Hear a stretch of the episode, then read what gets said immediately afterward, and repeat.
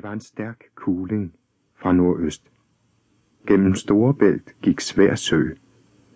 Den væltede mod den smalle skovgroede ø Langeland, som øens lærer kalder en rosengren kastet i vandet, og som han så smukt i sin Langelandsrejse har besunget.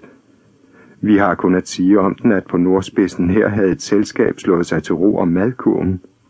Vognen, der igen skulle føre dem hjem til herregården, holdt tæt ved – Brændingen sprøjtede den ene gang højere end den anden, champagnen knaldede, og vinden greb i servietterne og damekåberne, som var halvt på, til det var sent på høsten. Men det er jo næsten en storm, sagde den ældste dame. Åh, det er så dejligt, mamma, sagde den yngre. Bare der måtte strande et skib, Gud forlade dig, sagde moren. Men de strandede skulle få det godt. Vi ville give dem skinker og champagne, og i seng for dem hjemme på gården. Ti dog stille. Det er jo grueligt. Og se dog bare, der er et lille fartøj derude. Gud, det vælter. Det kan aldrig gå godt. Gud lov, at vi er på det tørre. Fra Sjællands side, langt ude, kom en stor åben båd. Kun et sejl var oppe. Det svulmede i den stærke blæst og førte båden i flyvende fart over de høje bølger, der snart løftede den således, at man troede at se kølen snart næsten skjulte selve sejlet. Hun går godt derude, sagde en ældre mand, der var med i selskabet. Men ud for sandrevet, når de vender, vil de få kærligheden at finde. Det bliver hårdt at lægge ind til lohals, og til Fyn kommer de ikke, uden at det bliver smult vand. Se, hvor dejligt, mamma, råbte den unge dame, i det båden krængede højt på en sø, og vandet sprøjtede hen over den. Grueligt er det, sagde moren, men interessant. Vi vil nu se, hvor interessant de derude finder det. Båden var fra Fiskerlejeskovs Hoved oven for København, og havde herhed altså gjort en ret anselig sørejse. Ved roret sad en mand i gul vokstustrøje og bukser. En bred hat af samme stof hang ham ned om skuldrene. Manden syntes at være klædt på til at kunne gå tørskindet gennem havet. Det var bådens ejer, Ole Hansen fra Skovshoved.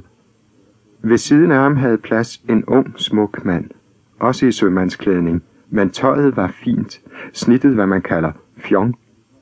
Det var greb Frederik, en ung student, hvis fars gods lå i Fyn.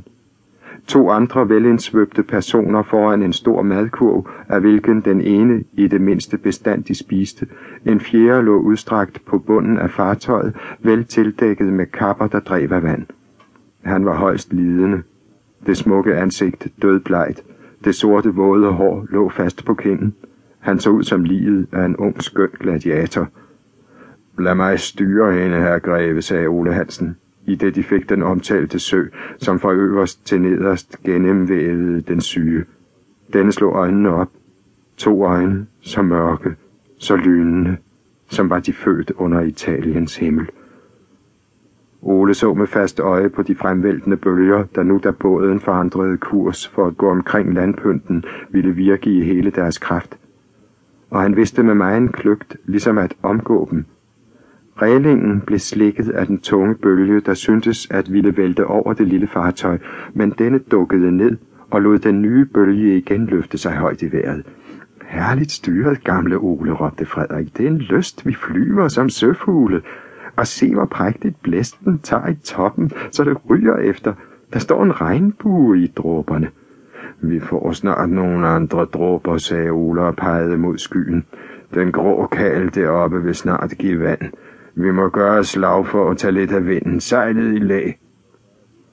Rask, som en øvet matros, udførte greb Frederik den befalede manøvre. En stærk sø krængede næsten båden. De to ved madkurven sprang op, selv den syge kom på benene. Sæt stille, råbte den gamle med stærk bydende stemme. Øs af båden! De adlød, og nu gik de med halvrebede sejl længere ud fra land. Og du som skulle være den lystige, sagde grev Frederik og så på den syge, som igen havde lagt sig. Du er rigtig nok morsom på en ny, men højst kedelig manier. Vi kunne godt føre dig i land, du, hvor et kontrabande for øen Fyn. Ingen vil kende dig. Det begyndte at regne. Solen var ved at gå ned. Den idelige krydsen havde endnu kun bragt dem en fjerdedels mil ned på den vestlige side af Langeland. Det gods, som tilhørte grev Frederiks far, og hvorhen de ville lå på den fynske